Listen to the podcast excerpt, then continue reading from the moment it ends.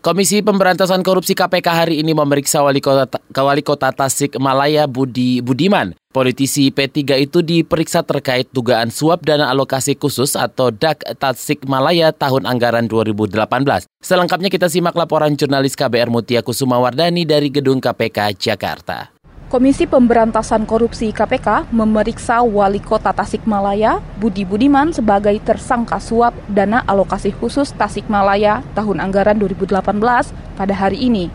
KPK mengatakan bahwa Budi Budiman menyuap ex pejabat Kementerian Keuangan Yaya Purnomo.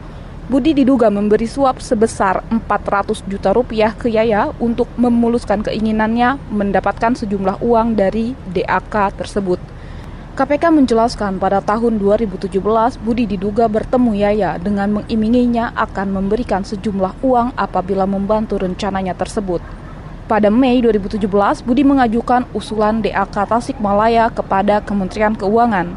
Beberapa bidang yang diajukan dalam usulan tersebut yaitu jalan, rumah sakit rujukan, dan irigasi. Setelah itu, pada tanggal 21 Juli 2017, Budi kembali menemui Yaya untuk memberikan duit suap sejumlah 200 juta rupiah. Dua bulan kemudian, usulan DAK Tasikmalaya 2018 disetujui Kemenkyu dan mendapatkan dana sebesar 124 miliar rupiah lebih. Selanjutnya pada 3 April 2018 Budi memberikan duit suap yang kedua sebesar 200 juta rupiah kepada Yaya. Dari Gedung Merah Putih KPK, Mutia Kusuma mengabarkan untuk KBR.